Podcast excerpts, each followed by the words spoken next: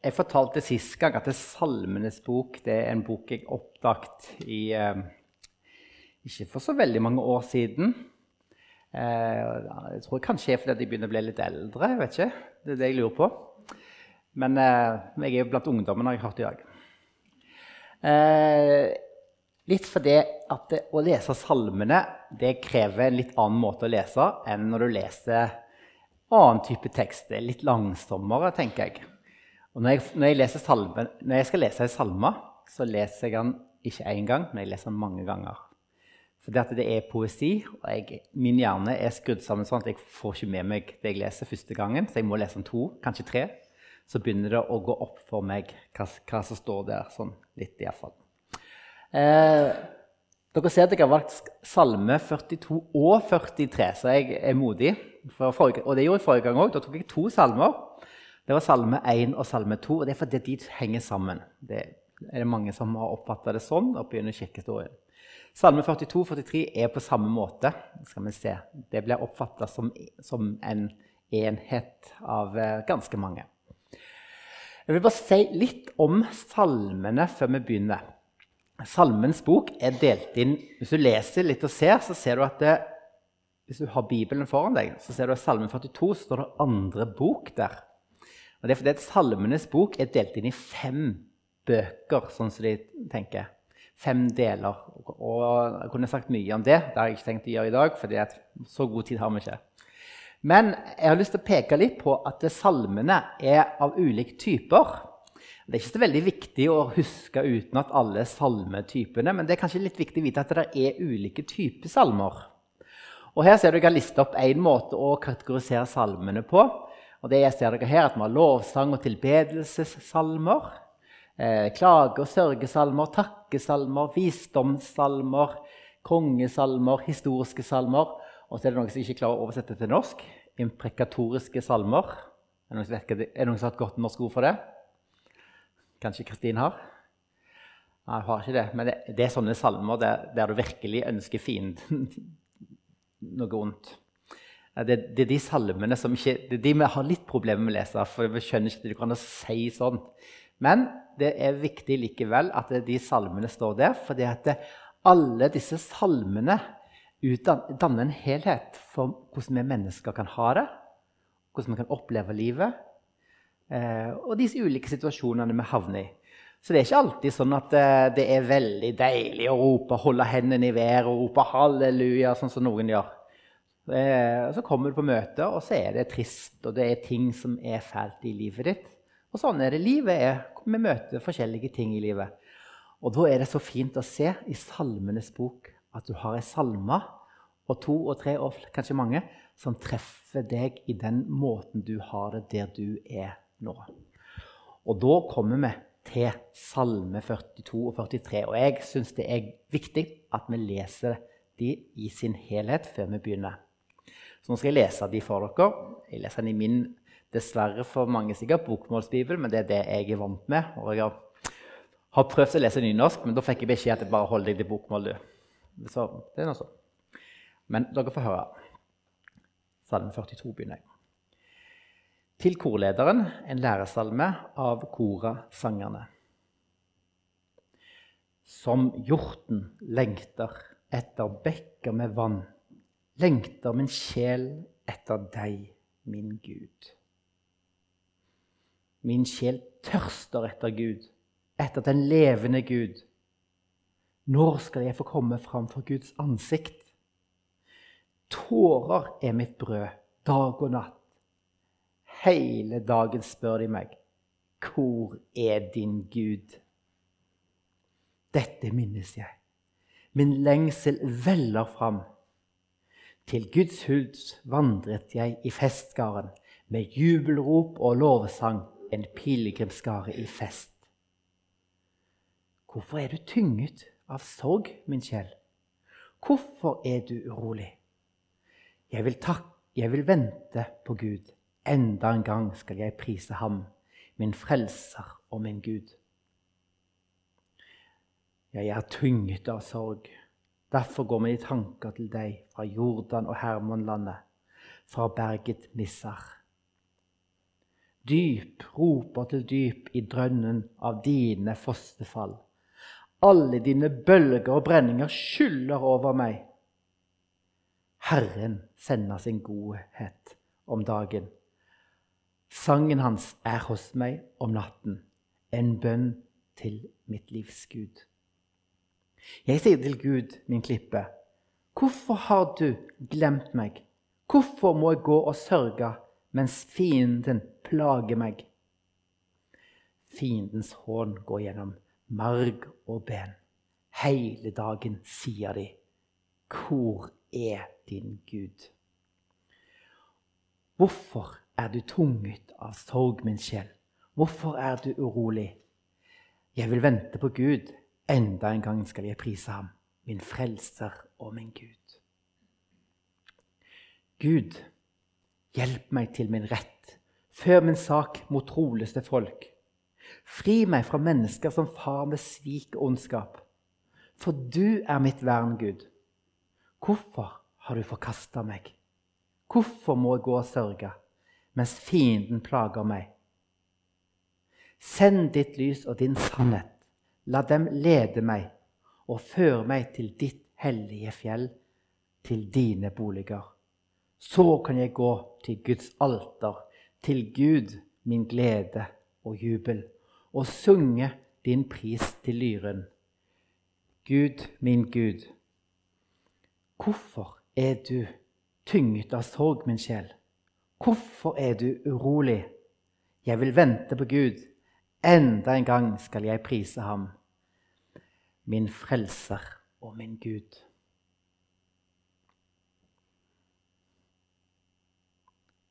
Det var salme 42 og 43. Og Hvis dere ser på lista her, så ser dere at dette er en klagesalme. En klagesalme. Og hvorfor har jeg valgt å lese hele salme 42 og 43 i lag? Det hørte dere kanskje når jeg leste den. Men jeg har prøvd å illustrere det her, og jeg skjønner at det er ikke meningen å lese dette, men her har jeg skrevet opp begge salmene på veggen. Og da ser dere at det er tre refreng som går igjen i de, i de salmene. De, tre, de, nederste der. Hvorfor er du tynget av sorg, min sjel? Og så videre. Og de to, av de vers, to av de refrengene er i Salme 42, og det siste er i Salme 43. Dere ser òg at det var andre ting som gikk igjen i disse to salmene. I vers 10 så ser dere hvorfor må jeg gå og sørge mens fienden plager meg. Det var i Salme 42. Mens i Salme 43 så står det nesten identisk. Hvorfor må jeg gå og sørge mens fienden plager meg? Og På en måte henger de så godt sammen at det er lurt å kanskje lese det i lag. Og det er en annet argument for at de to salmene hører sammen. Og det er at vi er inne her i salmene som er skrevet av Koras sønner. Eller som det står i, i vår bibel, Koras-sangerne. Det står egentlig Koras sønner i, i, på hebraisk. da. Og alle disse salmene, altså 42 49, er det en, en pulje med sånne salmer fra Koras sønner. Og så er det òg noen salmer i salmer 84, 85, 87. Men alle de salmene i kapittel 42 utover der står det at det er av korasangerne. Men det står ikke noen ting i Salme 43. Det er ingen overskrift der. Det er òg et argument for at disse hører sammen. da. Og temaet passer jo veldig bra òg for disse. Ok, La oss se litt på salmen. Første verset var 'Som en hjort lengter etter bekker med vann', lengter min sjel etter deg, min Gud'. Det er kanskje noen som begynner å synge inni seg nå. Som en hjort lengter etter Ja, og så videre. Nå skal jeg, skal ikke jeg synge her, da. Men jeg må bare si for min egen del så har jeg i mange år lest denne salmen og tenkt liksom at, at den personen som leser og sier dette, det er en åndelig person. Det er en sånn en Ja, dette er en person som lengter til Gud. og jeg eh, ser for meg en som har sin stille stund med Gud på kjøkkenbordet og liksom folder hendene og lengter til Gud. Vent, himmel, vent. Og så tenker jeg, liksom, Noen ganger har jeg følt at det, der er ikke jeg.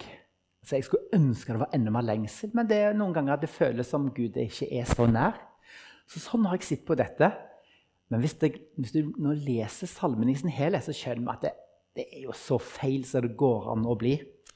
Dette er ikke en person som har sin stille andakt på kjøkkenbordet hjemme en fin eh, tirsdag ettermiddag. Nei, dette er en person som er i fremmed land. Som ikke, som ikke føler at Gud er nær. Som er desperat akkurat på grunn av det. Eh, I Salme 84 jeg synes det, Bare nevne det i forbifarten, så skjønner vi litt av hva det går i med disse korasangerne. For det, når vi leste i Salme 42, så leste vi i vers 7 at, at denne personen som skriver salmen, er i fremmed land. Er altså i Hermonlandet, med fjellet Mistar. Dette er altså en person som er langt vekke fra tempelet. Og korasangerne dere vet hva, det er Kanskje Korasangene er litt misvisende oversettelse. Altså, Koras sønner er det som står på hebraisk. Men vi vet fra Gammeltestamentet ellers at Koras sønner, altså etterkommende av Kora, de ble altså tempelsangere, men de ble òg dørvoktere. Og, altså, de var tjenere i tempel. De var levitter. Så disse korasangerne var altså, eller Koras sønner de var levitter som tjente på, flere måter i tempelet. Og i Salme 84 så leser vi f.eks. Om, om disse der, der Kora sønnene skriver hvor elskelige dine boliger er, Herre Sebaot. Jeg lengter, jeg fortæres av lengsel etter Herrens forgårder. Nå jubler hjertet og kroppen eh, mot den levende Gud. Det var vers 2. Mens i vers 11 så står det Ja, en dag i dine forgårder er bedre enn tusen andre. Å ligge ved terskelen til min Guds hus er bedre enn å bo i lovløses telt. Og Det er jo veldig treffende at den, er beskrivelsen med terskelen. For disse var jo dørvoktere. og De fikk ikke gå inn og gjøre de vanlige tjenestene. De var ikke prester. Men bare for å være med terskelen på tempelet var så mye mer verdt. Men altså Denne personen her, som skriver her, er i fremmedland. For ikke, ikke nær, føler ikke noe eh, nærhet til Gud. Føler seg forlatt. Og her står det som hjorten lengter etter bekker med vann. Lengter min sjel etter deg. Og ordet 'lengter' det er kanskje en liten, litt, litt svak eh, oversettelse.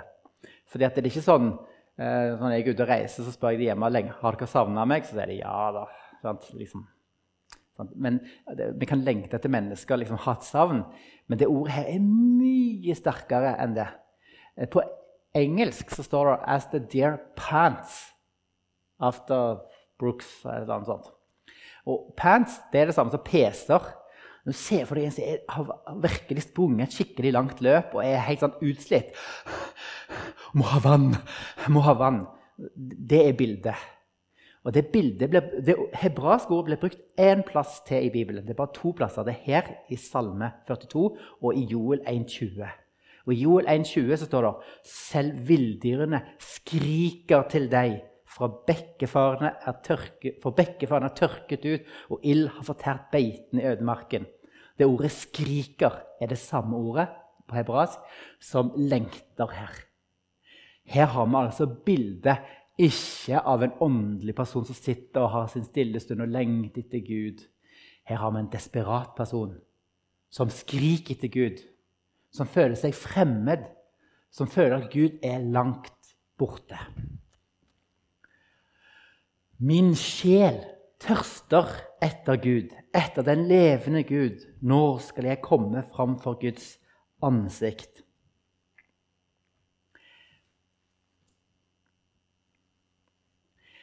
Vi legger merke til at midt i desperasjonen her så er det et håp òg. Det står ikke, det står ikke 'om jeg skal komme fram', men det står 'når skal jeg'. Og Dette er et viktig perspektiv for denne personen. For selv om personen føler seg fremmed og forlatt og hånt og plagt, så er det et håp. Når skal jeg få komme fram for ditt ansikt? Så Denne personen tørster etter Gud, skriker etter å få, bli, få for drikke av Gud, på en måte. Men hva drikke får denne personen egentlig?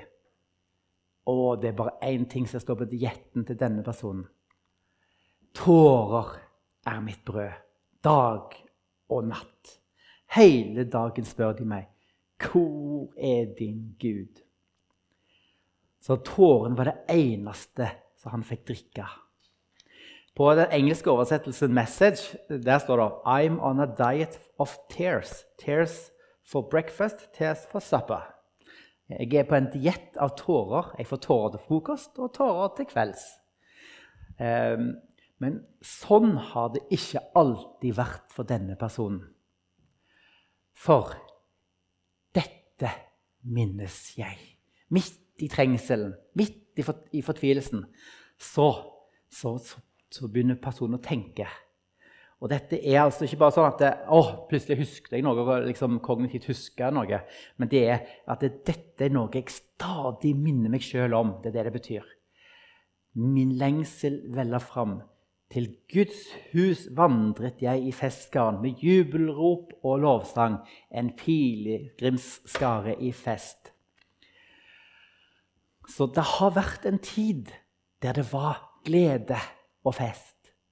Det var en tid der denne personen fikk vandre opp til tempelet og være nær og ha fellesskap med brødre og søstre, men òg med den hellige Gud.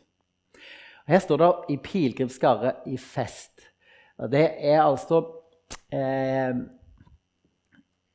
eh, sånn at jødene måtte dra opp til Jerusalem minst tre ganger i året. Med mindre de bodde veldig langt borte. Da hadde de andre sånne unntaksregler. Og De tre festene var påske, pinse og løvhyttefesten. De måtte de dra opp. Det var plikt å dra opp der. Og det er sånn at når de dro på disse festene, så var det jo det var, Jerusalem var proppfull med mennesker. Hvis dere leser Josefus, så snakker jo han om sånn millioner. men Han overdriver alltid tall. da, Men det var proppfullt. Og folk eh, åpna heimen sin, og folk fikk bo i sånne De hadde ofte et lite ekstra gjesterom. Og hvis de ikke fikk plass der, så måtte de bo litt utenfor byen og hos andre folk som var nær Jerusalem. F.eks. ser vi at Jesus bodde litt utenfor byen den siste påsken. De, vandrer litt ut og inn sånn.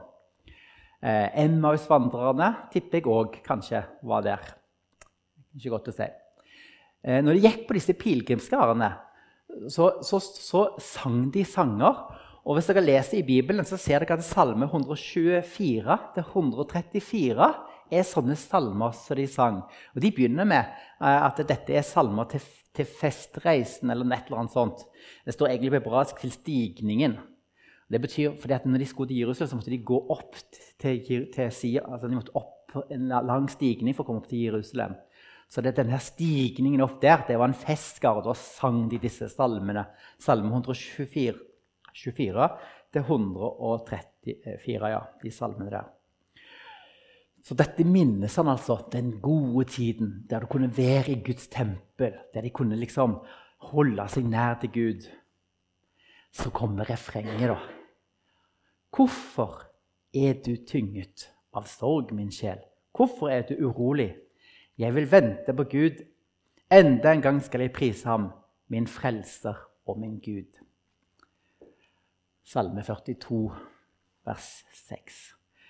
Eh, hvordan er det med deg? Jeg tipper at jeg har rett. Jeg tenker at det går litt opp og ned med ditt gudsliv òg. Altså hvordan du føler det. Noen ganger så føler vi at, det, at vi, har feila på så mange måter, osv. Og så føler vi at vi har det ikke så bra. Og så er det en eller annen stemme i oss som sier at du duger ikke. Det tror jeg mange av og til føler på. Og Da skal vi lære litt av salmisten her. For hvem er det salmisten snakker til i dette verset? Det er seg sjøl. De gamle eh, puritanerne de snakket ofte om at du måtte forkynne til deg sjøl. Forkynn evangeliet til deg sjøl hver dag. Det er vel dette Paulus snakker om i Feserne 6.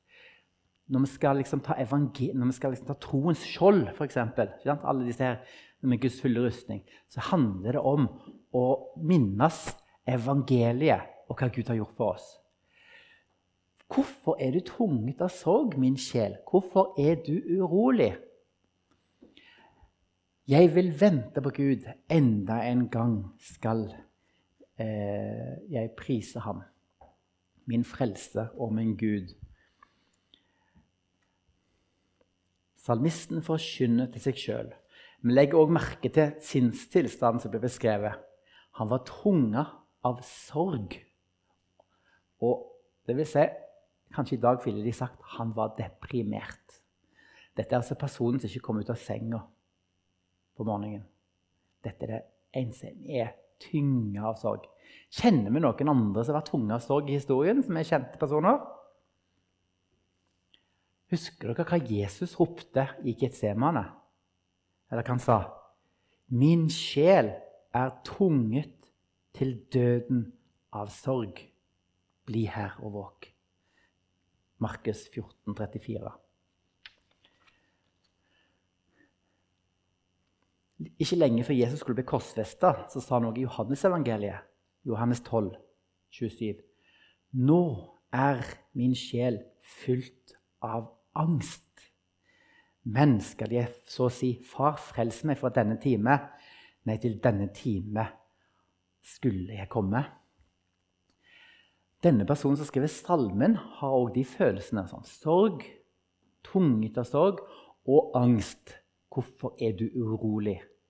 Og Det er så godt når vi skal prøve å tenke på f.eks. det ondes problem. Hvorfor er det ondskap i verden? Så Filosofene prøver å forklare det. Kristne filosofer har mange tanker om dette. og de prøver å forklare, forklare. Jeg kom frem til Det hjelper jo ingenting. For når du virkelig føler at livet går mot deg, så, så det, nytter det ikke med logiske resonnementer lenger. Men du skal vite én ting. At det er én person som har vært gjennom tilsvarende. Som vet hvordan vi har det. Når vi opplever ondskap, så hadde ikke det gitt mening i den verden hvis vi ikke kunne peke på at Jesus han opplevde en enorm ondskap som rant innover ham når han ga sitt liv på korset for oss. Han har opplevd det samme som oss. Han er prøvet i alt, står det, men uten synd. Så her har vi refrenget. Salmisten fortsetter likevel. Jeg er tynget av sorg. Derfor går mine tanker til deg fra Jordan og Hermonlandet, fra berget Misar. Langt vekke fra Israel. Langt vekke fra det Gud valgte å møte folket. Den gangen var det ikke sånn at det, det, altså, Jeg kan stille deg selv spørsmålet. Hva er forskjellen mellom i dag og den gangen før. Altså, jeg mener, det jeg tenker på er, Hva forskjell gjorde egentlig pinsen for oss? Hva er det som er greia med pinsen? Jesus ba oss vente. Til, eh, disiplene venta, så skulle han sende Den hellige ånd. Hva var greia med det? Var ikke Den hellige ånd før pinsedag? Jo, det var han. Men greia er at før pinsedag før Jesus ga sitt liv på korset for oss, så var det én plass Gud hadde valgt å møte folket og være til stede med sitt hellige nærvær. Der de kunne komme og gi sine offer. Det var én plass. Det var i Jerusalem. Der var det at Gud møtte folket. Men nå så er denne personen langt vekke, utenfor landet ved Misser, som ingen vet hvor er henne, men de tror det er en av toppene på, på Hermonfjellene. Det er ingen, ingen, ingen, vet hvor det er. Men i hvert fall, han er langt vekke. Forskjellen mellom, mellom den situasjonen det og nå, det er at det nå er det ikke tempel lenger der vi skal tilbe. For nå har vi fått Den hellige ånd, sånn at vi er et tempel for Den hellige ånd. Nå har vi tilgang, selv om vi er ennå i fremmed land. Vi trenger ikke dra til Jerusalem for å møte Gud. Du kan møte Gud akkurat der du er. Men så vet vi likevel at vi kan føle Gud er langt vekke. Derfor er det godt å kunne ty til sånn salme i sånne situasjoner. Dyp roper til dyp i drønnen av dine fossefall. Dette er jo litt ironisk, tenker jeg. Her er det en som tørster som en hjort etter Gud. Og, og så plutselig så får vi fossefall her, og bølger og brenninger osv. Så, videre. så tenker jeg at her er det jo plenty av vann. Men hva er det som er greia her? Dyp roper til dyp. Har dere hørt beskrivelsen om dyp før i Bibelen? Ja, det er i første Mosebok, kapittel 1, vers 2. Der står det om dypet. Eh, der står det at eh, mørket lå over dypet, står det. Og Det er kanskje sånn som vi bare leser overfor, for vi leser gjennom første Mosebok. og Der er det så masse, som ikke, sånn, masse ting som virker litt rart, og vi er vant med å lese med, så vi leser gjennom sånn, så tenker vi ikke så mye over det. Men sånn som beskrivelsen er i første Mosebok, så er det en beskrivelse av altså Det er egentlig eh, havdyp, kunne du oversatt det med. Det altså, har noe med vannet å gjøre, det dypet som ble beskrevet. Og I første Mosebok, kapittel 1, vers 2, så er ennå ikke landet blitt delt skikkelig. Det kommer litt senere, i vers 7. Og hele greia i første Mosebok er at det, først er det kaos. Vann. Det er dyp. Det er kaos. Og ut av kaoset så skaper Gud orden. Det er liksom litt av poenget med skapelsesberetningen. Mens her dyp roper til dyp. Det er kaos for salmisten. Det er bare elendighet i tankene. I drønn av dine fossefall. Det er ikke noe sånn vakker foss i Hardanger eller hvor fossene ligger henne. Dette er altså Her skyller problemene inn over salmisten. Alle dine bølger og brenninger skyller over meg. Men dette er erfaringen. Men så har heldigvis den som skrev Salme 42 og 43, kanskje, har altså lest Bibelen sin før. Dette her er et kjempeviktig råd til alle kristne. Vi vil komme tider der vi vil oppleve motgang. Det vil komme harde tider. Det er ikke den tiden du begynner å lete etter salmene og blar febrilsk i salmene, for det vil ikke funke. Du må forberede deg. Derfor er det så viktig at de kristne er grunnfesta i Guds ord. Vi må ha lada de batteriene på forhånd.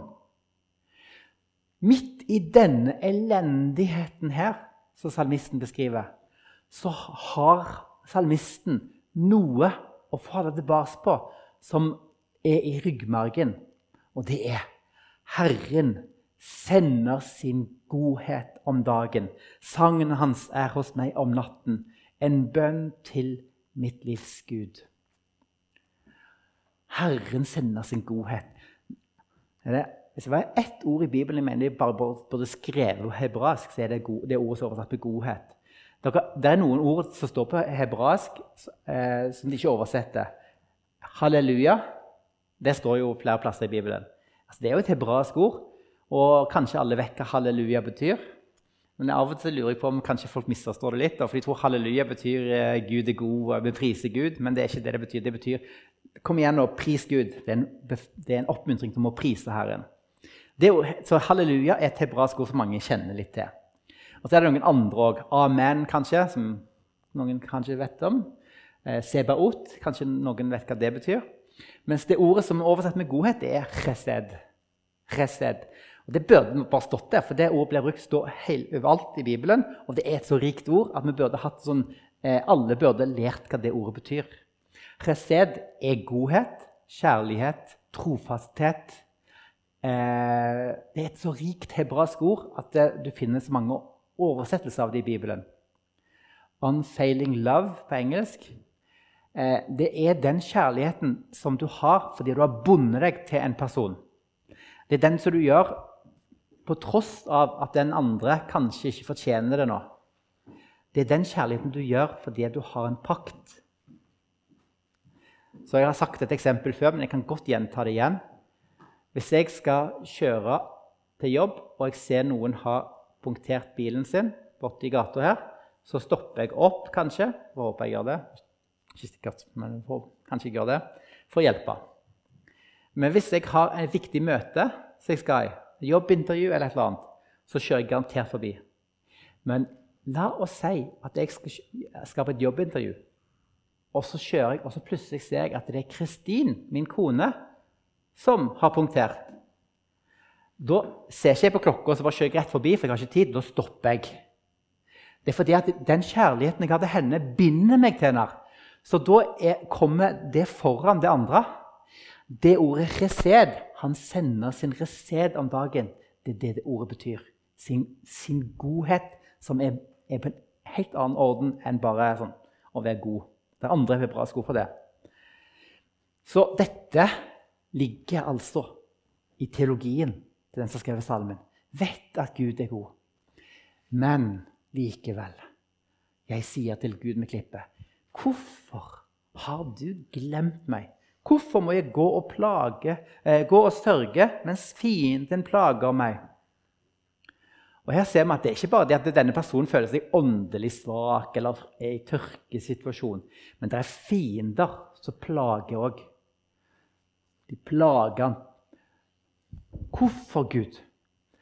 Og Da står det videre fiendens hån går gjennom marg og bein. Da skjønner vi at det virkelig plager han. Hele dagen sier de Hvor er din Gud?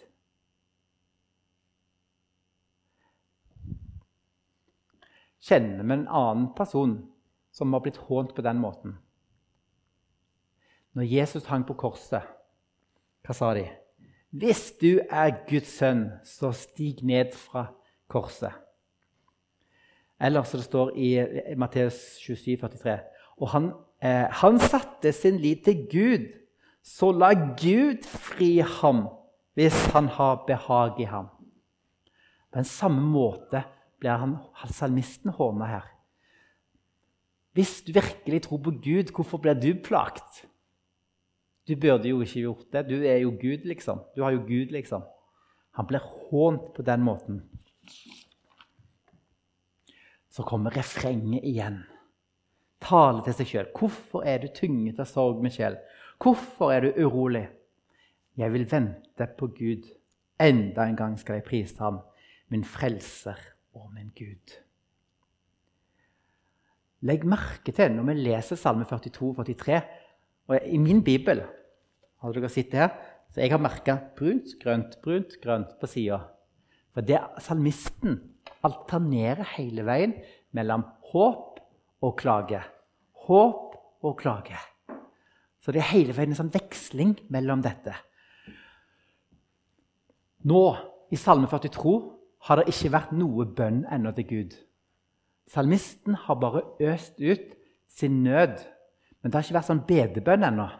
Men nå når vi kommer til Salme 43, så kommer den første ordentlige bønnen. Gud, hjelp meg til min rett. Før min sak mot troløse folk. Fri meg fra mennesker som farer med svik og ondskap. Og Dette bildet vi ser her, er henta fra rettssak, der det ble ført sak mot noen. Hjelp meg til min rett. Gud er dommeren som kan hjelpe. Vende seg Gud. Hjelp meg. Før min sak mot troløse folk. Fri meg fra mennesker som farer med svik og ondskap. For Og dette er for er så viktig. Hvorfor kan salmisten be til Gud på den måten? Jo, for du er mitt vern, Gud. Hvorfor har du eh, forkastet meg Hvorfor må jeg gå og sørge mens fienden plager meg? Og Her ser vi at det, det er motstridende tanker i hodet. Gud er hans vern likevel. Hvorfor har du forkasta meg? Hvorfor må jeg gå og sørge? Så ber salmisten, send ditt lys og din sannhet. La dem lede meg og føre meg til ditt hellige fjell, til dine boliger. Så kan jeg gå til Guds alter, til Gud, min glede og jubel, og synge din pris til lyren Gud, min Gud. Her ser du lengselen er å komme tilbake til Jerusalem, til det hellige fjellet. Til Guds boliger, til Guds alter. Gud, send ditt lys.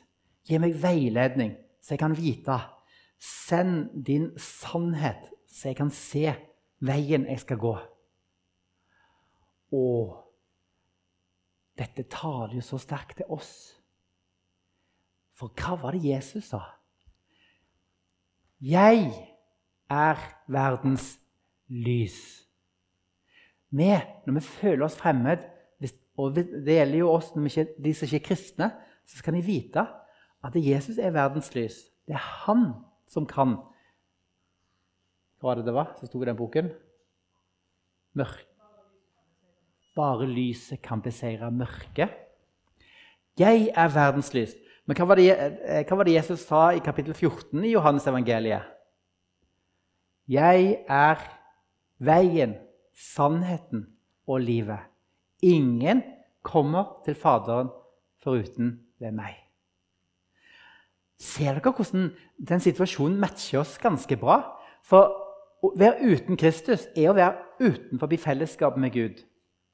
Mens vi har, pga. det Jesus har gjort, så har vi fått del i fellesskapet med Gud igjen. For vi har fått lys. Jesus er verdens lys. Vi har blitt ledet av hans sannhet. Jesus er veien, sannheten og livet.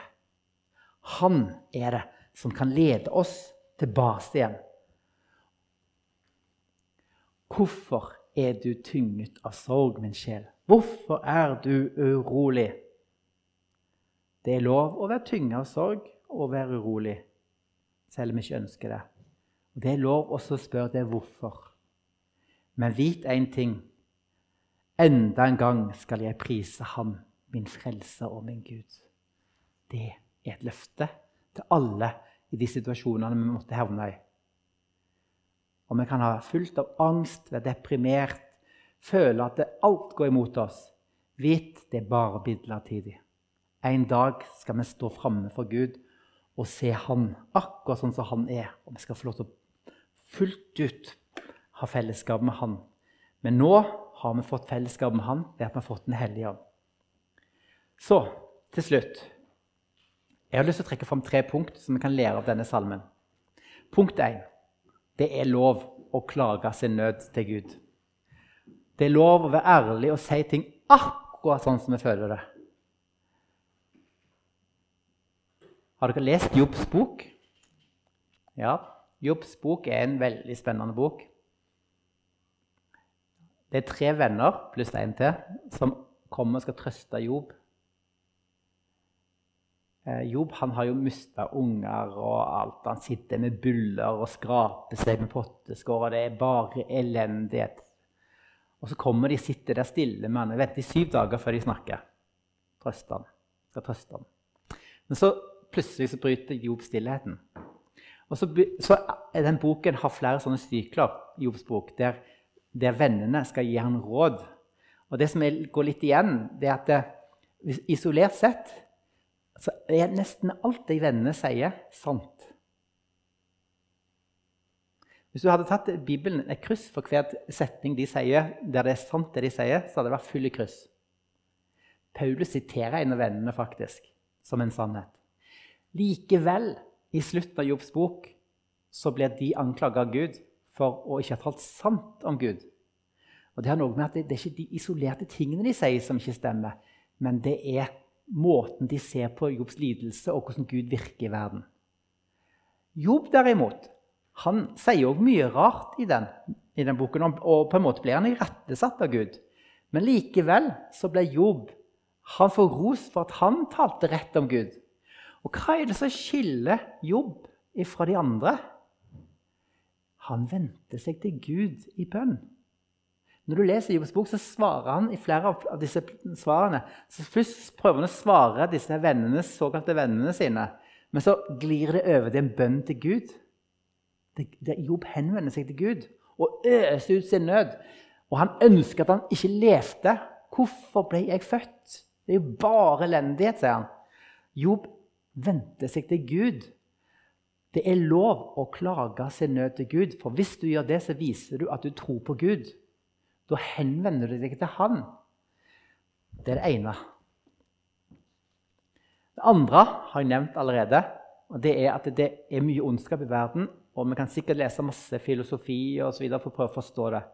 Men det går ikke an å forstå ondskapen i verden egentlig uten gjennom Jesu kors. Syndefallet gjorde at vi mennesker falt. På, grunn av synden så ble hele verden preget av synden. Det er derfor vi har all elendigheten i verden. Men det er én som betalte prisen for oss. Men ennå lever vi før alt er gjenoppretta. Derfor leser vi i Romerne 8 at det hele skaperverket stønner i lengsel etter den dagen alt skal bli gjenoppretta. Det er ikke bare mennesker, men det er hele naturen. Alt skriker. Det må bli gjenoppretta. Tre. Israelsfolket måtte gå til tempelet. Dette har jeg òg nevnt. Men vi vet at vi har fellesskap med Gud i Jesus Kristus. Han er vårt tempel. Likevel kan vi føle elendigheten i livet vårt. Så det at, det at vi ikke, ikke, er langt vekke fra Gud, betyr ikke at vi ikke kan føle at vi er langt vekke fra Gud. Derfor har vi lov å klage vår nød til Han.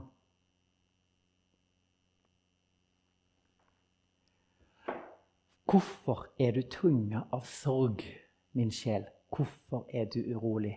Jeg vil vente på Gud. Enda en gang skal jeg prise ham, min frelser og min Gud. La oss be. Himmelske Far, jeg har lyst til å takke deg for din, ditt ord. Takk for Bibelen, og takk at uh, vi kan lese i salmene. og Du ser hvordan vi har det. Du har gitt oss denne boken med både klagesalmer og tillitssalmer. Hjelp oss, Herre, til å forstå Herre, at det, midt i all vår lidelse og lengsel og all vår, våre problemer, så er du likevel midt iblant oss. Du er likevel her, og vi må tro på deg, Herre. Hjelp oss, Herre, til å hjelpe hverandre og peke på deg. Til å for oss sjøl. Du, Herre, er midt iblant oss.